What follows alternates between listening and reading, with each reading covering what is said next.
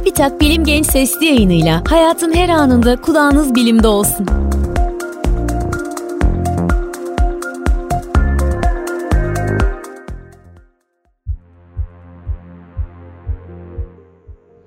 Gençler merhaba, ben Levent Kurnaz. Bilim Genç Sesli yayınının bugünkü bölümünde bu hafta sonu bizim evde çocuklarla seyrettiğim ve belki de sizlerin de bildiği bir konudan bahsedeceğim. Dünyaya ne büyüklükte bir göktaşı çarparsa insanlık sona erer ya da dünya parçalanır. İnternette bulabileceğiniz pek çok oyun programı ile dünyaya büyük bir kaya parçasının çarpmasını modelleyebilirsiniz. Epey sayıda sinema filmi de bu senaryo üstüne kurulmuştur. Şimdi gelin bu problemi bir de bilimsel açıdan inceleyelim. Öncelikle gezegenimizin geçmişindeki iki büyük çarpışmaya bir bakalım. Bu çarpışmaların ilki bundan 4 milyar yıl önce gezegenimiz daha yeni oluşmuş ve soğumaya başlamışken oldu. O sırada Terra adını verdiğimiz ve Mars büyüklüğünde olduğu düşünülen bir gezegen Dünya'ya çarptı.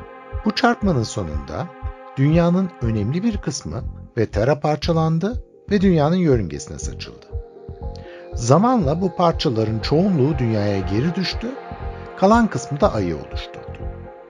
Yalnız Terra'nın Dünya'ya çarpma hızı, Dünya'nın Güneş etrafındaki dönüş hızından çok daha düşüktü. Çünkü Terra'da Dünya gibi Güneş'in etrafında dolaşıyordu. Çarpma hızının yaklaşık saatte 40 bin kilometre olduğunu düşünüyoruz. Bu bizlere korkunç hızlı gelebilir. Ne de olsa bu hızla dünyanın etrafını bir saatte dolaşabiliriz. Ancak böyle bir tehlikeyi önceden fark edebilmek açısından bakarsak, Terra'nın dünyaya çarpacağı neredeyse binlerce yıl önceden görülebiliyordu.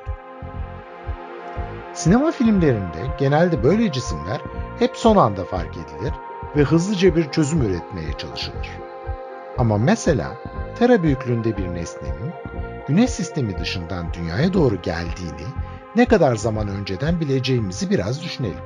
1920'lerdeki teleskoplarla bizden yaklaşık 50 dünya güneş uzaklığında ve Mars'ın üçte biri büyüklüğündeki Plüton'un keşfettiğimizi unutmayalım.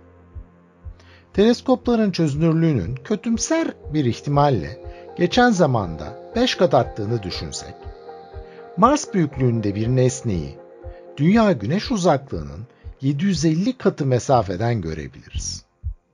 Saatte 40 bin kilometre hızla hareket eden bir cismin de o uzaklıktan bize ulaşması tam 321 yıl sürer.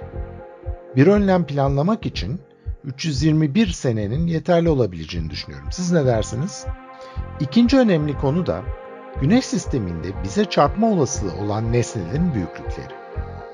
Terra büyüklüğündeki gezegenler Güneş sistemi ilk oluştuğunda ortalıkta geziniyordu. Ama zaman içerisindeki çarpışmalarla bu gezegenler ya yok oldular ya da Güneş'in etrafında düzgün bir yörüngeye oturdular. Bundan dolayı da bize çarpma olasılığı için bakmamız gereken nesneler sadece bize yakın yörüngede dönen asteroitler ve seyrek olarak Güneş sistemine giren göktaşlarıdır bize yakın yörüngede dönen asteroitlerin tümünü dikkatle takip ediyoruz ve hiçbirinin makul sayılabilecek bir sürede dünyaya çarpma riski bulunmuyor. Ama ya 67 milyon yıl önce dinozorları öldüren büyüklükte bir göktaşı bize çarpacak olursa? O göktaşı yaklaşık 10 kilometre çapındaydı. Benzer şekilde bir hesap yapacak olursak, bu göktaşını yaklaşık 172 gün önceden görebileceğimiz ortaya çıkar. Her ne kadar insanlar filmlerde 172 günde dünyayı kurtarmayı becerseler de bugünkü gerçeklikte 172 günde dünyayı kurtarmak kolay olmayabilir. Ancak 10 kilometre çapında bir göktaşının dünyaya çarpması ne dünyadaki yaşamı ne de insanlığı sona erdirir. Ama gerek canlı yaşamını gerekse de insanlığı kesinlikle çok zor durumda bırakır. Daha büyük bir nesnenin çarpması hasarı arttırır Yalnız o nesneyi de daha önceden görebileceğimiz için önlem almak için daha uzun zamanımız olabilir. Daha küçük nesneler de daha zor görülürler ama verecekleri hasar da daha küçük olur. Günlük hayatımızda çevresel sorunlar ve iklim krizi gibi gezegenimizdeki canlıları doğrudan etkileyen sorunlar varken, bir göktaşının çarpma ihtimaline karşı hazırlık yapmak çoğumuza çok makul gelmeyebilir. Ancak gene de bu tür olası çarpışmaları önceden öngörebilmek için evrene açılan gözlerimizi yani teleskopları her geçen gün biraz daha geliştirmemiz hiç fena olmaz. Ayrıca şimdilik teoride bile kalsa gezegenimizi bu tür çarpışmalardan korumak için devletlerin ortaklaşa hazırlayacakları çözümleri düşünmemiz hiç de fena olmaz.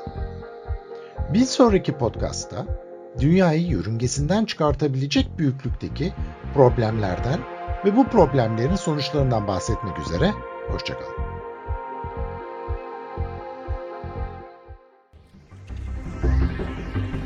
Bilim Genç sesli yayınlarını SoundCloud, Spotify, Google ve Apple Podcast kanallarımızdan takip edebilirsiniz.